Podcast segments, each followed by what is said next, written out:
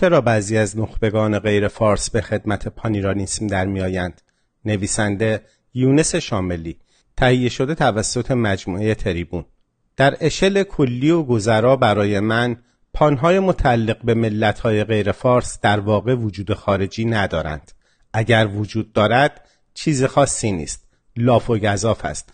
یا چیزی در حد یک واکنش شفاهی از سوی یک غیر فارس که شاید چیزی به عصبیت بر زبان رانده است.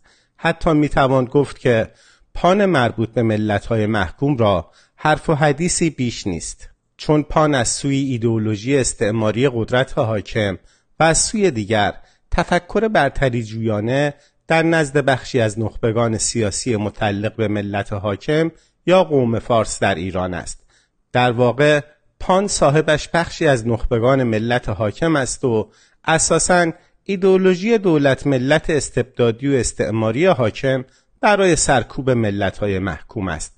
پانهای مربوط به ملت‌های غیر فارس در ایران داستان است خیال بافی است. بهانه تراشی بخشی از نخبگان سیاسی ملت حاکم است. وگرنه بیمعنی است. ملتی که هنوز وجودش به رسمیت شناخته نشده و هنوز برای خودش دولتی ندارد. حتی از ابتدایی ترین امکانات برای بیان بیحقوقی خود محروم است. چگونه می‌تواند پانندیش باشد؟ پان متعلق به ملتهای محکوم فلسفه‌ای برای شدن ندارد چون هنوز در اسارت یک دولت استعماری است. پان خود یک اندیشه استعماری است. در نتیجه نمی‌تواند انگیزه فکری یک ملت یا فعال سیاسی متعلق به آن ملت اسیر باشد. اما به راحتی می‌تواند به آرمان یک نخبه سیاسی ملت حاکم تبدیل گردد. بنابراین حتی می‌توانم بگویم که اساسا سخن گفتن از پان ملت های محکوم هم خندهدار و هم گریه آور است. خندهدار برای بیمعنی بودن و غیر واقعی بودنش و گریه آور برای اینکه همین پانی که ظاهرا متعلق به ملت محکوم است باطنا محمل و بهانه‌ای برای سرکوب حرکت‌های سیاسی همان ملت محکوم است. بنابراین پاسخ منطقی پرسش مطرح شده به صورت آشکار در مفهوم ملت حاکم و پانفارسیسم نهفته است و این هر دو مفهوم در اصطلاح پانیرانیسم جمع است. ملتی که صاحب دولت است و بخشی از نخبگان سیاسی آن پانفارسیسم یا پانیرانیسم را برای سرکوب و سیطره بر ملت‌های محکوم به باور خود تبدیل کردند. تاریخ پانفارسیسم در ایران به تأسیس دولت فارسی یعنی به زمان رضاشاه در ایران باز می‌گردد. هر عاقلی بسیار روشن می‌داند که پانهای مربوط به ملت‌های محکوم ترک و کرد و غیره تنها و تنها برای سرپوش گذاشتن به پانفارسیسم دولتی و غیر دولتی حاکم است که می‌خواهد برای فریب اذهان عمومی بگوید که نگاه کنید فقط ما نیستیم که به پان باورمندیم بلکه آنها نیز دارند. اما از هر کس پنهان باشد برای یک ناظر بیطرف آشکار است که مقصود از پان متعلق به ملت‌های محکوم چیست.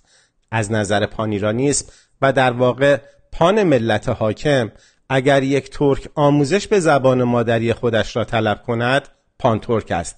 حق تعیین سرنوشت بخواهد پان ترک است.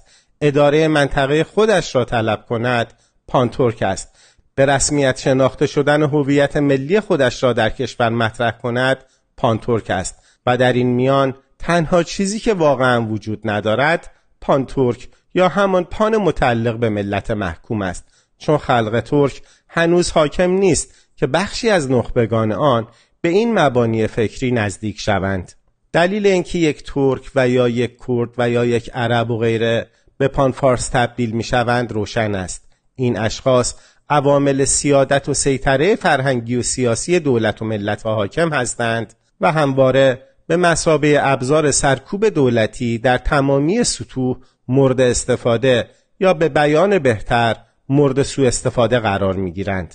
همانطوری که پیشتر مطرح کردم شرایط عینی برای ملت‌های محکوم و غیر فارس در ایران وجود ندارد که یک ترک پان ترک یا یک کرد پان کرد و یا یک عرب پان عرب بشود. اما دولت و نخبگان سیاسی ملت حاکم و وابستگان آنان در میان ملل محکوم پانهای مربوط به ملتهای محکوم و غیر فارس را در تبلیغاتشان با بوغ و کرنا از پان ملتهای محکوم داده سخن می‌دهند و ظاهرا با شدت تمام هم آن را محکوم می کنند و به مردم غیر فارس نصیحت می کنند که واویلا نگذارید که این پانها شما را از راه بدر کرده و تمامیت ارزی کشور را به خطر بیاندازند. بدون اینکه به این حقیقت تلخ اشاره کنند که پانیرانیسم از دهه ها پیش در این کشور حزب سیاسی از نوع نجات پرستی اوریان همچون سومکا و حزب پانیرانیست ایران را داشته و بر این کشور حکم رانده است و در اغلب موارد مهمترین تأثیر را بر سیاست دولتی ایران در هشتاد و اندی سال اخیر داشته است. اما کسی به درستی معترض آنها نیست. یکی از سرکردگان پان‌فارسیسم به من می‌گفت که ما با افتخار می‌گوییم که پان‌ایرانیست هستیم. اما شما همیشه از اعتراف به پان‌تورکیسم هراس دارید. این جناب علت افتخارش به پان‌ایرانیسم را چنین توضیح می‌داد که پان‌ایرانیسم افتخار آفرین است اما پان‌تورکیسم و یا پان عربیسم نفرت انگیز است و می گفت به این خاطر شما نمی توانید از آن دفاع کنید. شما با این چند جمله می توانید به ذکاوت یک پانیرانیست پی ببرید. علت وجودی گرایش فکری پانفارسیسم بسیار روشن است چون آنها پان متعلق به ملت حاکمند و پشتشان به قدرت دولتی گرم است و دقیقا می‌دانند که دولت استبدادی و استعماری حاکم برای سرکوب ملتهای محکوم به این نیرو و با خوی وحشیش نیاز دارد. علت اساسی پانیرانیست شدن تبا ها نیاز دولت به عواملی از میان ملتهای محکوم و تبدیل کردن آنها به ابزار سرکوب همان ملت هاست. این تمامی حقیقت است و نه نیمه آن.